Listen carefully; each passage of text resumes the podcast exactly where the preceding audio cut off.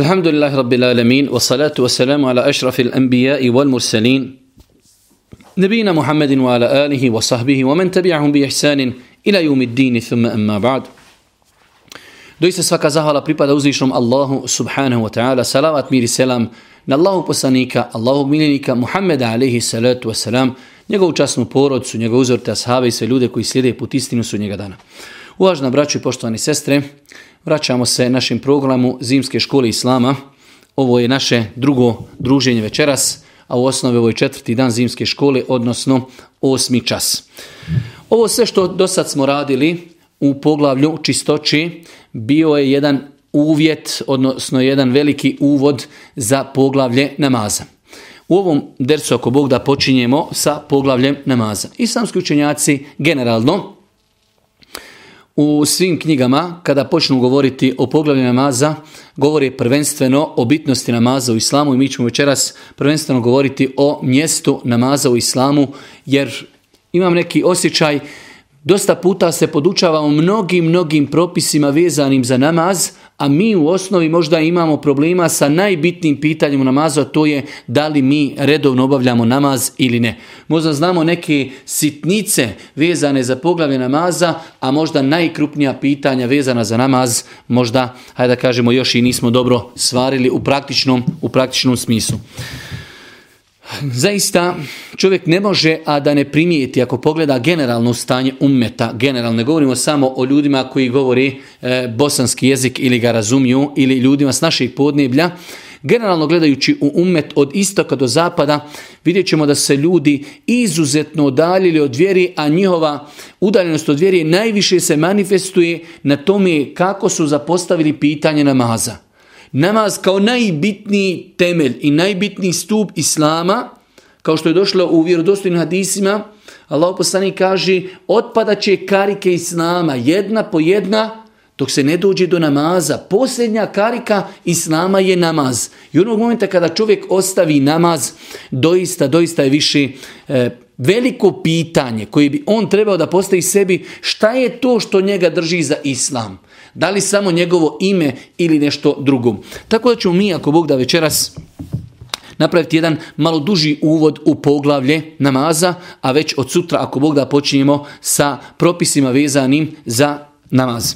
Prva stvar, rekli smo da od osobenosti namaza jeste i to da se mnogi, mnogi propisi vezuju za poglavlje namaza. Evo mi smo imali do sad sedam časova zimske škole Islama gdje smo e, površinski, površinski preletjeli preko mnogih pitanja, a sva ta opet pitanja su jedan veliki uvod za, za poglavlje namaza jer rekli smo da bi čovjek klanjao namaz treba da abdesti, da bi abdestio treba da poznaje e, čistoću i vrste voda, pa smo počeli govoriti o vodama, o čistoćama, nakon toga smo govorili o abdestu, o tejemumu, o potiranju po mestvama, nakon toga o gusulu i večeras govorili o hajzu i nifasu. Sve se to na jedan način vezuje za poglavlje, za poglavlje namaza, pa to definitivno ukazuje koliko je namaz bitan ibadet, da se toliko drugih ibadeta i drugih postupaka vezuje za namaz. čovjek vjernik, čovjek vjernik trebao bi da odrasta u tom ambijentu, trebao da u svojoj kući ima neku knjigu koja govori o tome da svoju djecu odgaja u ambijentu u kojem će se znati da je u životu čovjekovom najbitnija stvar namaz.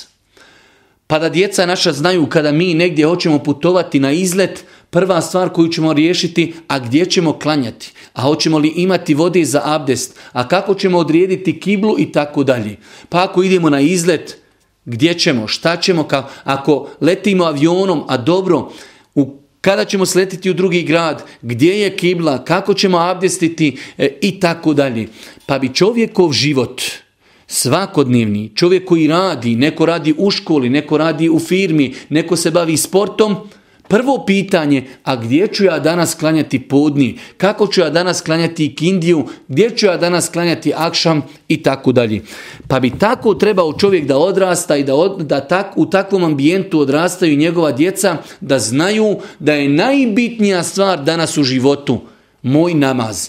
Definitivno to ne isključuje činjenicu da putujemo, da radimo, da se trudimo, da zarađujemo, da idemo za egzistencijom, ali sve u granicama da se u te granice uklopi naš namaz. Čovjek vjernik treba da zna da prvo pitanje za koje će polagati račun na sudnjem danu jeste njegov namaz. Veoma bitna stvar.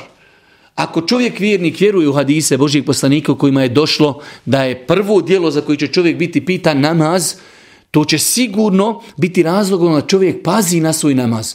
I ne samo da će biti pitan, došlo je u vjerodostojnim hadisma da kaže Boži poslanik, ako čovjeku bude valjao namaz, gledat će mu se druga djela. Ako mu ne bude valjao namaz, neće se druga djela ni gledat uopšte. Pa je veoma bitno da čovjek vjernik i žena vjernica postavi sebi životne principe od kojih nikako ne odustaju, a to je moj namaz je najbitnija stvar u mome životu. Zašto? Jer je to prvo dijelo za koje ću biti pitan na sudnjem danu. Druga stvar, svi mi znamo da čovjek kada je u tim nekim smrtnim mukama, da tada svojoj porodici i ljudima koji ostaju za njega ukazuje na neke najbitnije stvari – Allahu poslanik kada su mu nastupile smrtne muke, zadnje riječi koje je kazao svome ummetu bile su Es-sala, es-sala, vama meleket imanukum. Namaz, namaz, o moj ummete, čuvajte namaz, čuvajte namaz, kaže prenosioc Adisa, toliko je poslanik ponavljao te riječi da više nije mogao izgovarati e, jezikom, već je samo hroptio u svojim prsima govoreći namaz, namaz, namaz, namaz, o moj ummete, Pazite, pazite na namaz. Isto tako, znamo onom poznatom hadisu koji je izrečen na kraju, na kraju života Allahog poslanika, ali se letu wasalam, kada je Allahog poslanik poslao Muaz ibn Džebela, poslao ga je u Jemen, pa mu je kazao, prvo što ćeš ljude pozvati, jeste da vjeruju u Allaha, da posvjedoči da nema drugog Boga osim Allaha, da je Muhammed Boži rob, Boži poslanik. Pa ako ti se oni kaže da zovu, mi, hvala Allahu, živimo u podniblju gdje ljudi kažu La ilaha illallah Muhammedur Rasulullah. Kaže, prvo o čemu ćeš i pozvati jeste namaz. Pa je najveća obaveza danas ljudima govoriti o namazu kada živimo u podneblju gdje ljudi za sebe kažu da su muslimani. Svakako ukazivati ljudima i na određene neispravna ubjeđenja vezano za vjerovanje uzvišnog Allaha subhanahu wa ta'ala, ali generalno ljudi našeg podneblja kažu da vjeruju Allaha subhanahu wa ta'ala, vjeruju u Božih poslanika, Prva stepenca, prvi vađi, prva obaveza jeste da ljudi uspostavi redovno pet propisani farz namaza u toku dana i noći.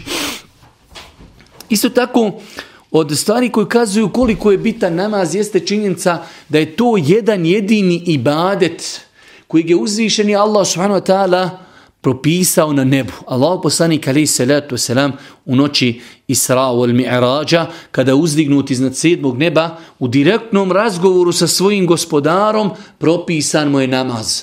Pa to definitivno ukazuje na, na bitnost namaza, jer je propisan čak na nebu. Do te mjeri, na početku je bilo propisano ovom ummetu 50 namaza, Pa je Musa alaihi salatu wasalam nagovarao Muhammed alaihi salatu wasalam da ide i da traži od gospodara olakšicu, pa je nekoliko puta se vraćao Muhammed alaihi salatu wasalam svome gospodaru dok nije, dok nije smanjeno na pet namaza, pa je rekao uzvišeni Allah, o Muhammede, tvoj ummet, klanja će pet namaza, a kod mene se ti pet namaza broji 50 namaza.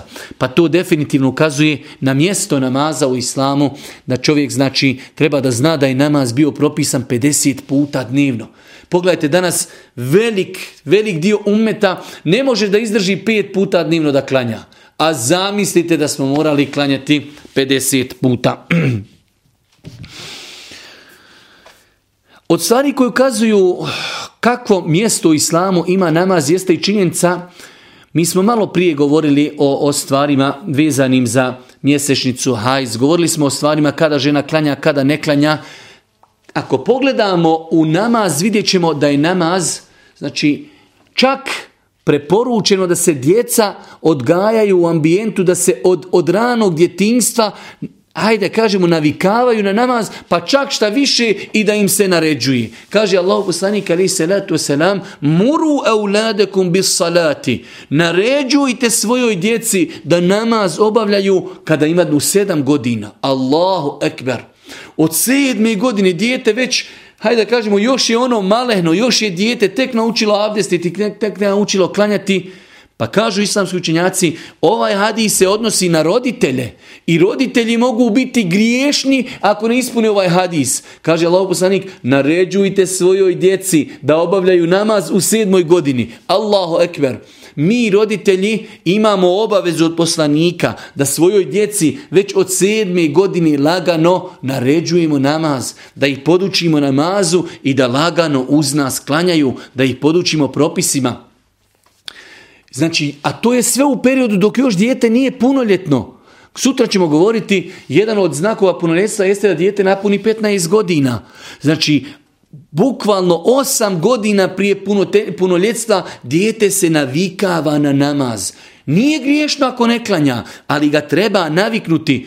Teško se može desiti da dijete napuni 15 godina. Nije nikada klanjalo zato što nije punoljetno i onda sutra kažemo djetetu, e sine, ti si sada punoljetan, treba od danas da klanjaš pet namaza. Teško, skoro pa nemoguće. Dok dijete od malena, kada ga navikavamo, pa sabah, pa akšam, pa podne, pa pomalo, znači navikavamo ga kako se abdesti, kako se oblači, kako se okreće prema kibli, šta se uči, jednostavno dijete u tih nekih 6, 7, 8 godina sazrijeva, navikava se da živi po jednom rasporedu dnevnog namaza. Isti je skoro slučaj i sa mahramom.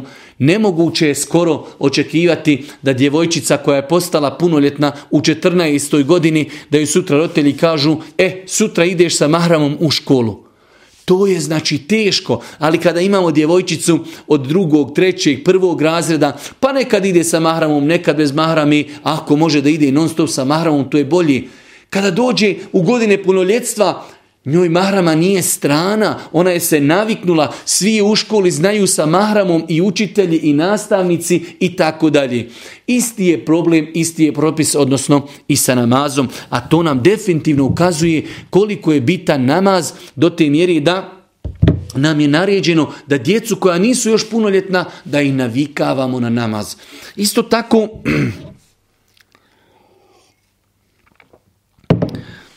Koliko je namaz bitan, govori nam činjenica da čovjek u periodu kada nije griješan, ako mu se desi da zaboravi namaz ili ga prespava, čovjek kada nešto zaboravi ili kada prespava, on nije griješan.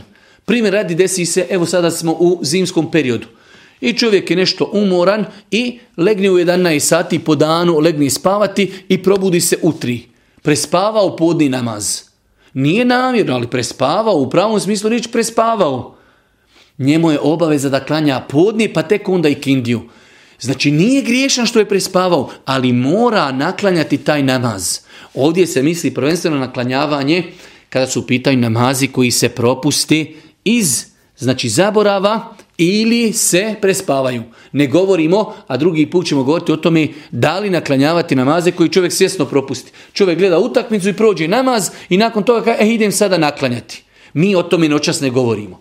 Govorimo koliko je namaz bitan, da je bitno i treba i obaveza, mora se naklanjati ono što smo prespavali i ono što smo zaboravili. Može se desiti čovjek nešto jednostavno zauzet, radi na kompjuteru ili radi svoj neki posao, podne, znači pogleda već pola tri. Nije uspio klanjati podne, zaboravio mora prvo klanjati podne i nakon toga i kindiju.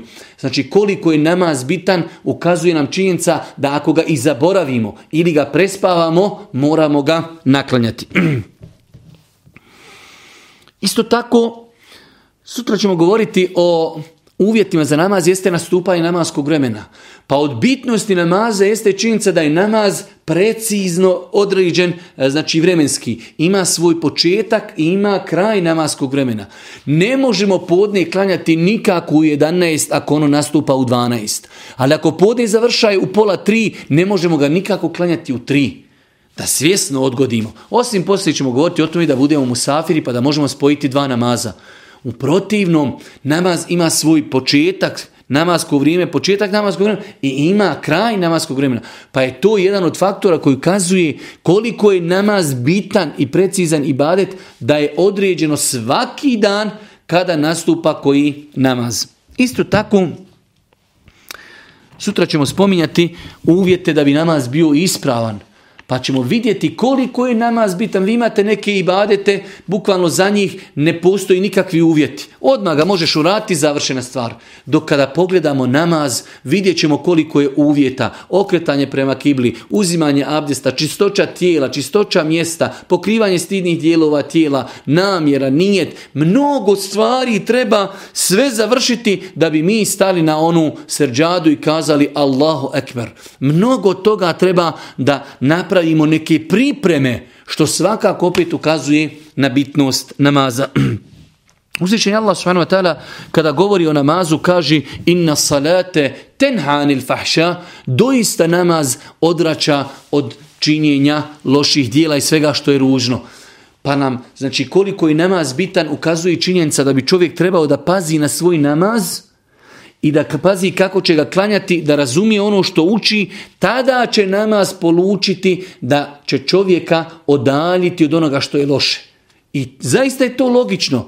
Ako vidimo, čovjek sada stajao pred Allahom, razgovarao putem namaza sa svojim gospodarom i nakon toga kada završi preda selam, odma počne raditi nešto što je zabrajno. Da li putem interneta, da li putem cigari, da li na poslu, da li će nešto ukrasti, da li nešto zakinuti. Taj namaz nije ostavio na njega nikakvog traga. Inna salate tenhanil fahša. Doista namaz odvraća od loših dijela. Rekli su Božijem poslaniku, ali i salatu selam jedne prilike, Allahu poslaniće, ima jedan čovjek koji naveće klanja noći namaz, ali sutra kada osvane, desi mu se da ukrade. Kaže Allah poslanik ali se letu selam, njegov namaz će ga spriječiti. Ako on bude klanjao namaz kako treba, i bude razmišljao o značenjima fatihi i o značenjima ajeta koje uči nakon fatihi i bude razmišljao o zikrovima koje uči u toku namaza, sigurno će ga ti zikrovi i taj Kur'an i to razmišljanje i to samo stajanje pred Allahom sigurno će ga spriječiti od činjenja onoga što je zabranjeno. Također, u vjerodostojnim hadisima potvrđeno je da Allah poslanik alejhi salatu wasalam upitan koje dijelo je najdraže Allahu. Allahu ekber. A sahabi su tako bili jednostavni, tako su bili, hajde da kažemo, jednostavan narod koji dolazi u Božijem poslaniku u želji da radi samo ono što je najbolje, najkorisnije. Pa mu je došao jedne prilike Abdullah ibn Mesud i kaže Allahu poslaniće Ejjul a'mali ahabbu ila Allah koja su dijela ili koje dijelo je Allahu najdraži? Allahu poslanik kaže as salatu ala waktiha hadis bilježi Buharija i Muslim. Namaz u njegovom vremenu, čak u nekim predajama namaz u prvom namaskom vremenu, ali generalno znači obaviti namaz u njegovom vremenu je jedno od najdražih dijela koje čovjek može uraditi na dunjalku. Stoga bi se vjernik trebao da trudi kako čovjek kada ima nekog nadređenog kojeg poštuje, kojeg uvažava, koji mu daje platu, koji mu je valja u životu, kako se trudi da uradi nešto što taj njegov nadređeni voli kad želiš da, hajde da kažemo, da se malo približiš tom svom nekom nadređenom, tada činiš ono što on voli, sve na mjestu, sve u redu. Najdraža dijela uzvišnom Allahu subhanahu wa ta'ala jeste namaz. A vidjet ćemo poslije, jedno od, naj, jedan od najvećih grijeha koji čovjek može učiniti jeste ostavljanje namaza. Pa bi čovjek vjernik trebao da svoj život, da budemo takav koncept života, da jednostavno namaz ima znači neizostavno mjesto u njegovom životu. Isto tako, o stvari koji ukazuju na bitnost namaza jeste i činjenica da je to jedan veliki ibadet i vidjet ćemo mi od sutra već počinjemo govoriti o namazu, pa kada dođemo konkretno o kakvoći namaza, Namaz Božijeg poslanika prenesen je do u najmanje sitnice. U najmanje sitnice kako je klanjao Allah poslanik se salatu wasalam, pa nam to ukazuje, pa nam to ukazuje na veličinu ovog ibadeta da postoje u hadijskim zbirkama stotine hadisa Allahu poslanika se salatu wasalam koje su izrečene o namazu. Definitivno to ukazuje na veličinu prostora i mjesta namaza u islamu, ako imamo stotine hadisa koji govori kako se klanja, šta se uči, kako se praktično čini namaz i tako dalje, pa nam to definitivno ukazuje na bitnost namaza, jer da to nije bilo bitno, ne bi to ashabi prenosili od Božijeg poslanika, ali je to najbitniji ibadet, pa ćemo vidjeti ashabe, da su u najmanju sitnicu prenijeli kako je Boži poslanik ali se leto se nam klanjao čak u hadisu koji bilježi ima Buhari i muslim stoji da je Buhurire kaže Allahu poslaniće kada doneseš tekbir početni kažeš Allahu ekber ti kaže jedan mali period šutiš da molim te kaži nam šta u tom periodu učiš pa mu je Boži poslanik preporučio jednu dovu koju Allah poslanik uči na početku namaza. Znači gledali su sve pokrijete Božijeg poslanika i gledali su sve njegove postupke i pitali ga, pitali ga o naj, ajde kažemo, sitnijim stvarima vezanim za namaz.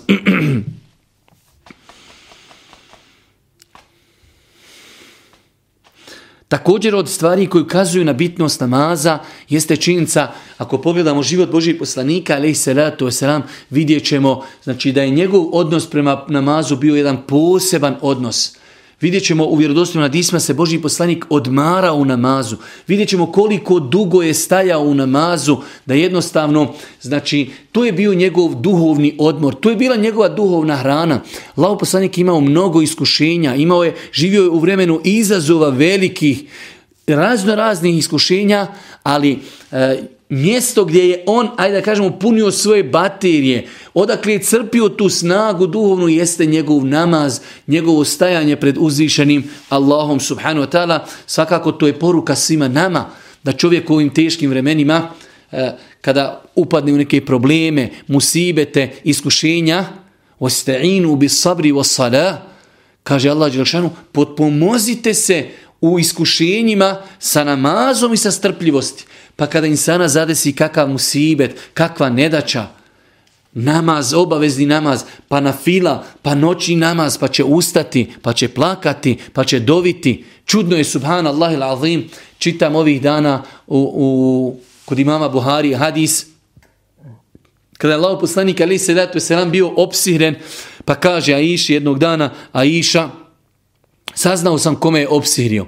Pa kaže Aisha, ko je te obsirio? Kaže Allahu poslanik, mnogo sam dovio uzvišenom Allahu. Pazite, poslanik alihi salatu veselam, najodabranija ličnost, Allahov miljenik, kaže, mnogo sam dovio, pa mi je Allah pokazao, poslao je dvojicu meleka kada sam bio u snu, jedan je sjeo kod moje glave, jedan kod mojih nogu, pa su počeli razgovarati o tome ko je Božijeg poslanika obsirio. Ali pogledajte, on je bio najbolji Allahov rob i opet kaže, mnogo sam dovio, mnogo sam dovio uzvišom Allahu subhanahu wa ta'ala, pa me Allah izliječio i Allah mi je pokazao, Allah mi je pokazao kome je obsihrio.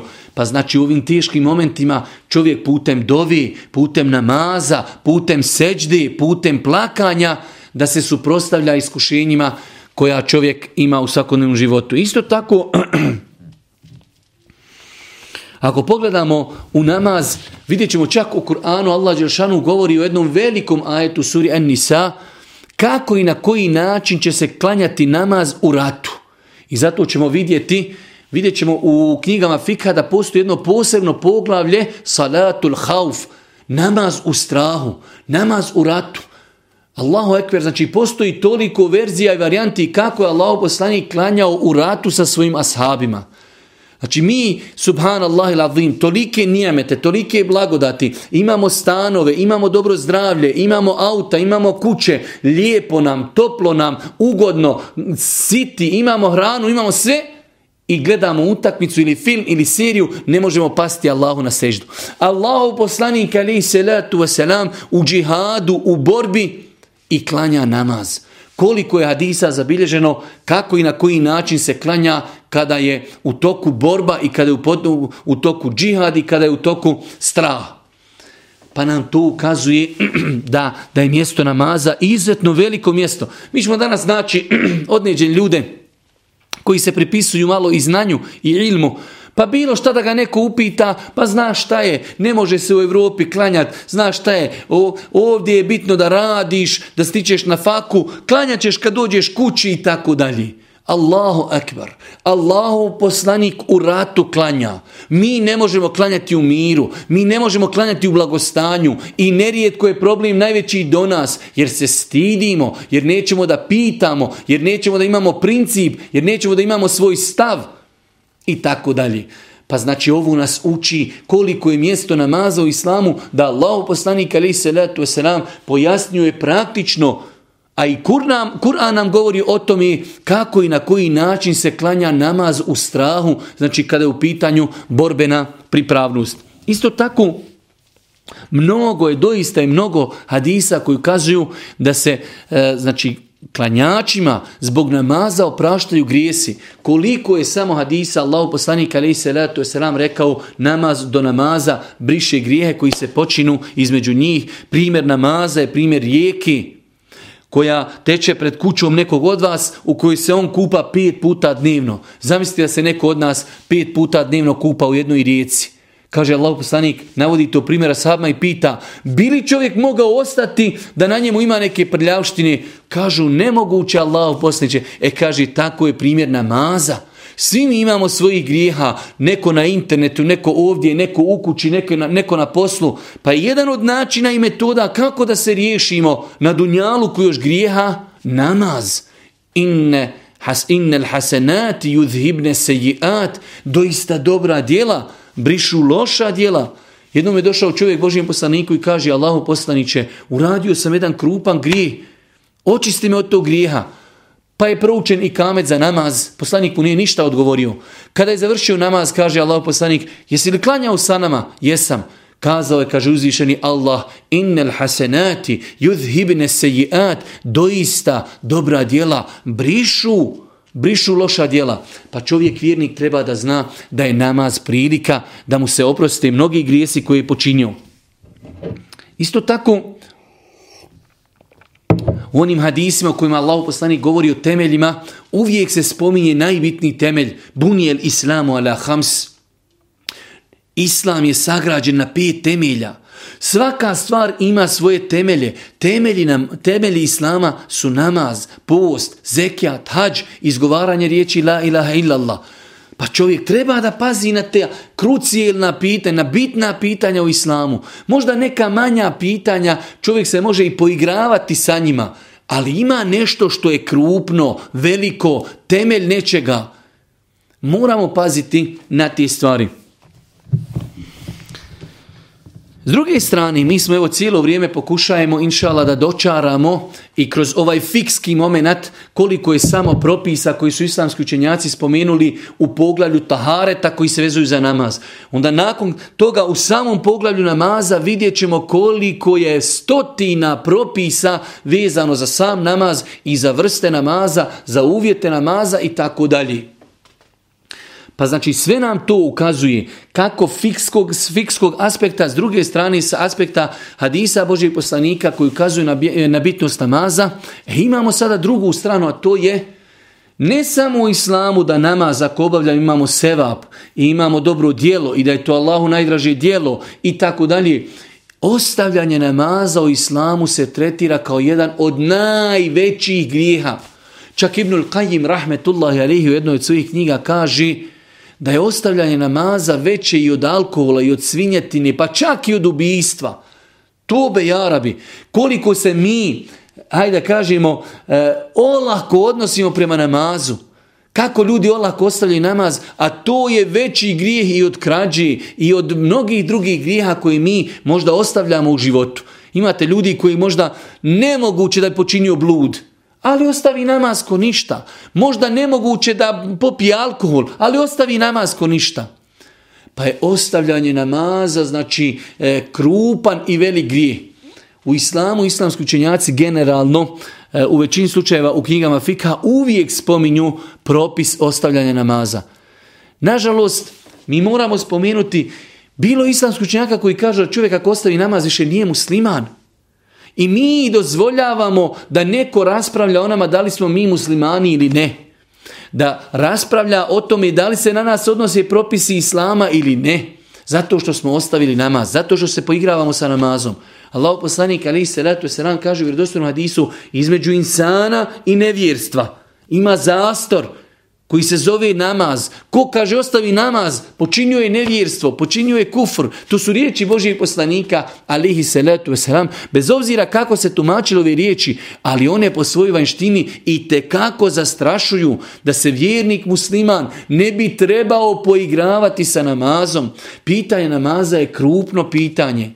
Znači imamo učenjaka koji su kazali ako čovjek prestane klanjati, on samim tim še nije musliman pa bi čovjek vjernik trebao da pazi na svoj namaz, pazijeći na taj način na svoj iman i pazijeći na, svoj, na taj način i na svoj islam. Allah Želšanu, kada e, prije toga e, bitno je znati da čovjek vjernik, ako bi ne daj Bože rekao, pazite u islamu nema nikakav namaz, to nije obaveza. Samim tim on je po konsenzusu učenjaka izišao iz vjeri, jer je ne smije vjernik negirati propisanost namaza zbog desetina ajeta koji naređuju, naređuju namaz i zbog desetina i stotina hadisa koji govori o obaveznosti namaza. Ali ulema kada se razilazi, razilazi se da čovjek kaže da, namaz je obaveza, ali eto ja iz neke ljenosti ne klanjam. Pa je bilo učenjaka koji su kazali ostaviti namaz iz ljenosti jedan od najvećih grijeha. A bilo je Boga mi oni koji kažu ostavio namaz iz ljenosti, on više nije musliman. Ja znam da to možda nekom je teško pada, ali moramo shvatiti da su to opet učenjaci kazali iz ljubavi prema tom insanu, iz ljubavi prema islamu, čuvajući najbitniju kariku islama, namaz, da vidimo Znači koliko je bitno pitanje namaza. I ti učenjaci to nisu rekli onako iz havi, već su opet rekli na osnovu izuzetno jakih argumenata. Tako da čovjek vjernik treba da pazi na svoj namaz, da se ne poigrava sa najbitnijom karikom Islama. Kaže uzvišeni Allah kada govori o stanovnicima džehennema, ma selekekum fi sekar, kalu lem nekum minel musallin, šta je to zbog čega ste vi došli u džehennem? Kažu, mi nismo na Dunjaluku namaz obavljali. Allahu ekber. Kako ne pročitamo ovaj ajet i kako se ne opametimo? Ne daj Bože da mi ne budemo na sudnjem danu oni koji će baš ovaj, e, ovaj e, ajet ispuniti. Zašto ste o džehennemlije u džehennemu? Što ste bačeni? Nismo namaz obavljali. Isto tako,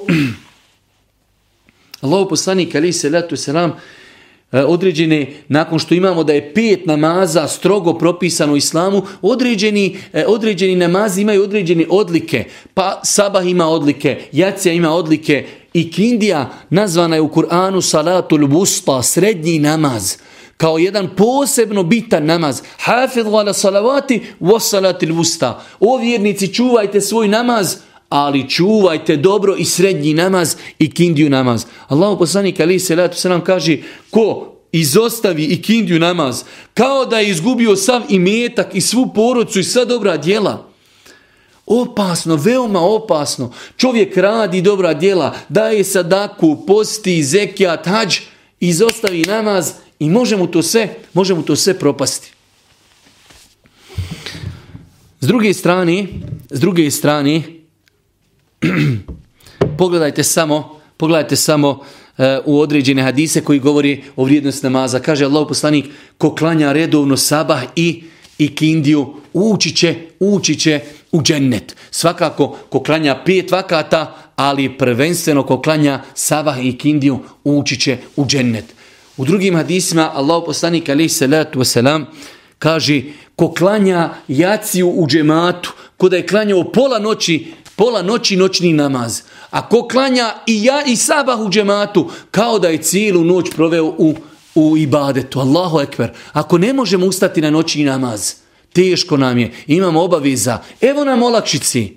Odimo, klanjamo jaci u džematu, sutra odemo na sabah u džemat, kao da smo cijelu noć proboravili u ibadetu. Sve nam to ukazuje kako je namaz veliko, veliko djelo. Isto tako, lao poslanik, kada govori o licemjerima, a i Allah Đelšanu kada je upisuje o Kur'anu, kaže وَإِذَا قَامُوا إِلَى الصَّلَاةِ قَامُوا قُسَالًا Kada oni krenu klanjati namaz, mrzovoljno ga klanjaju. Allahu ekber. Allah Đelšanu kada govori o licemjerima, kaže za njih da klanjaju.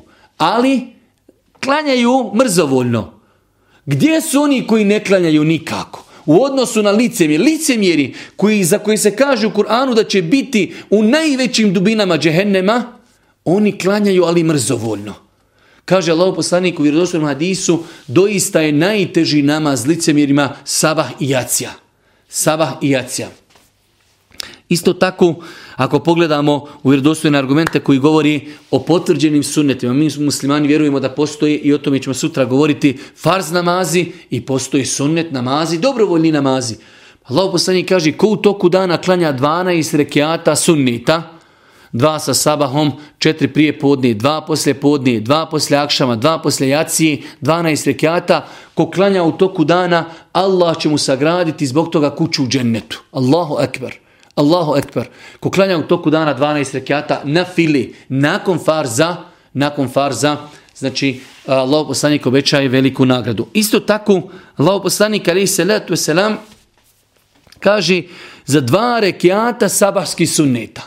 Ko klanja dva rekiata sabahski sunneta, kaže Allah poslanik ali se letu selam, ta dva rekiata bolja su, bolja su i vrednija od svega što sunce obasja, od zemlje i sve što je na zemlji. Allahu akbar. Dva rekiata sabahski sunneta. Nije rečeno dva rekiata farza. Dva rekiata sunneta bolji su od zemlje cijeli. Kada čovjek nekada propusti namaz zbog dnevnice koju će zaraditi. Allahu akbar. Dva rekiata sabahski sunneta bolji su od cijeli planete i svega što je na njoj. Isto tako, Allahu poslani kaže Ko klanja prije podne četiri i poslije podne četiri, Allah će ga zabraniti vatri džehennemskoj. Znači podne nama se klanja četiri rekiata farza. Ko klanja prije toga četiri sunneta i klanja poslije toga četiri sunneta, kaže Allah poslanik, Allah će takvu osobu zabraniti vatri džehennemskoj. Ko klanja četiri rekiata prije i Allahu poslanik kaže Allah se smilovaju u takvoj osobi koja klanja četiri rekiata prije ikindije, prije ikindije namaza. I za kraj, braću moja draga i cijene sestre, eh, od hadisa koji ukazuju na vrijednost namaza jeste i hadisi koji ukazuju o vrijednosti eh, duha namaza te jutarnje na file. Allahu poslanik kaže u vjerodostojnom hadisu čovjek treba kada osvani svaki dan na sve svoje zglobove da udjeli sadaku. Ali kaže, sve to zamjenjuju dva rekiata duha namaza koji čovjek klanja u tom periodu od izlaska sunca, nakon što iziđe sunce 15 minuta, pa do predpodni namaz na 15 minuta. Ta dva rekiata mijenjaju ovu sadaku koju čovjek treba da udjeli svakim danom kao zahvala što je uzvišeni Allah tako u skladu i na savršen način insana stvorio e, na lijep i savršen način. Dva rekiata to se zamjenjuju. Za svaki ovaj naš zglob treba udjeliti sadaku.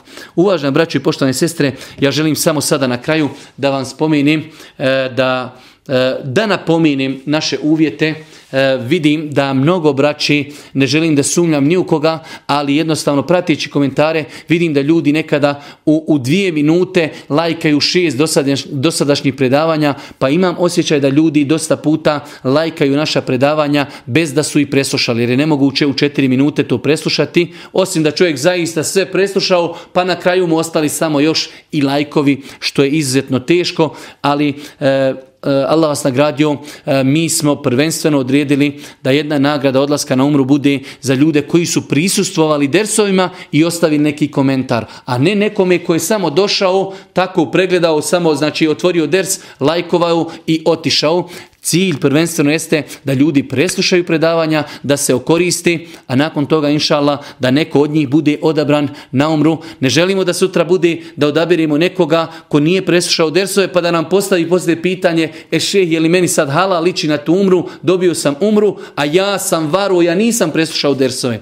Nama je prvenstveno cilj da u izvlačenju, znači u nagradnom kvizu za odlazak na umru, učestvuju ljudi koji su preslušali predavanja koji su prešali sva predavanja, da ako Bog da oni uđu u, hajde da kažemo, opciju e, dobivanja nagrade. A rekli smo, e, E, E, ostali nagrade umre ćemo ako Bog da dodijeliti na osnovu e, završnog ispita. E, već neka braća i sestre pitaju, ako Bog da, mi ćemo imati posebnu internet stranicu na kojoj će biti elektronski, elektronski ispit gdje ćete vi ući, svako od vas će dobiti svoju šifru, ući će, odgovorit će da ili ne, tačno ili netačno i na taj način će ako Bog da odgovoriti na taj ispit, poslati nama taj, hajde da kažemo, svoj odgovor. Sve će to ako Bog da biti pojašnjeno elektronski, inšala, izuzetno lako za korištenje. Ono što bi ja za kraj preporučio jeste da već od sad ne dopuštate da se nagomila gradivo. Mi već sa noćašnjim predavanjem imamo osam predavanja. Dobro bi bilo ako bi nam se neko i javio e, ko, ko lijepo piše e, bosanski uredno, čisto e, poznavajući pravopis gramatiku, da nam ako Bog da napravi znači rezime, da nam prepiše predavanja koja smo do sad mi e, održali, kako bi ako Bog da za kraj mogli ponuditi učesnicima jednu skriptu iz koje će ako Bog da biti ispit. Na kraju, subhaneke, Allahumma ve bihamdike, ešhedu in la ilaha illa in stagfiruke, ve etubu ilike.